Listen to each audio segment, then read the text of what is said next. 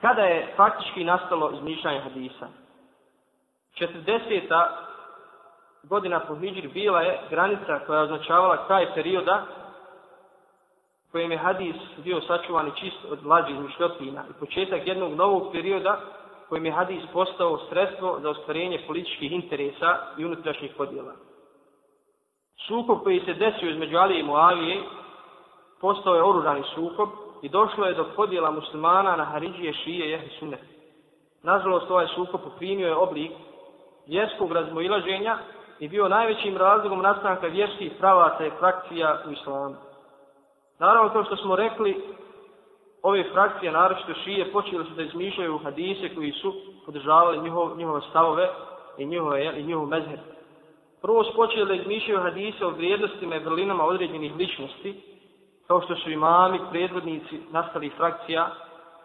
I kada govorimo o frakcijama, jel, o šijama, i o haridžama i drugim, ne mislimo na ehli sunnet. Ehli sunnet je srednji put i oni koji su, jeli, koji su bili na istini kada je pitanje sukob između Alije i Moavije i kada je u pitanju ispravan stav.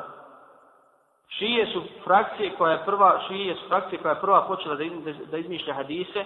Kaže Ibn Abi Hadid u komentaru Nehđul Belage, kaže, znaj da je osnova laži u hadisima, u vrlinama došla od šija. Znači da su oni prvi počeli da izmišljaju hadise o vrlinama određenih osoba kao što je Ali Radialan i ostali.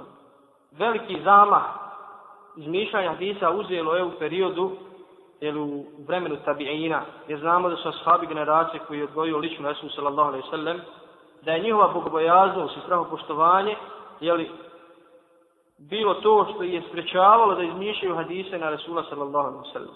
Imali su na ume na hadis ko namene namine slažene kad pripremim sebi mjesto u džehennemu.